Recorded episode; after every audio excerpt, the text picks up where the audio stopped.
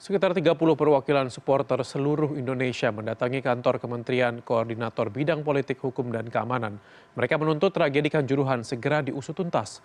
Para supporter menilai harus ada yang bertanggung jawab dalam tragedi itu. 30 perwakilan supporter sepak bola seluruh Indonesia menuntut tim gabungan independen pencari fakta mengusut tuntas dan menentukan siapa yang harus bertanggung jawab atas tragedi Kanjuruhan. Ikut hadir legenda sepak bola nasional Kurniawan Dwi Yulianto yang memberi masukan kepada TGIPF untuk membangun sistem sepak bola nasional yang lebih baik. Sementara TGIPF menyatakan sudah mengirim tim ke Malang, Jawa Timur untuk melakukan investigasi. Agar semuanya bisa kembali normal. Gitu.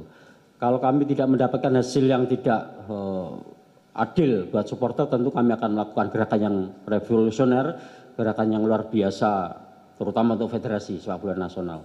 Kami menunggu agar ini segera diputuskan.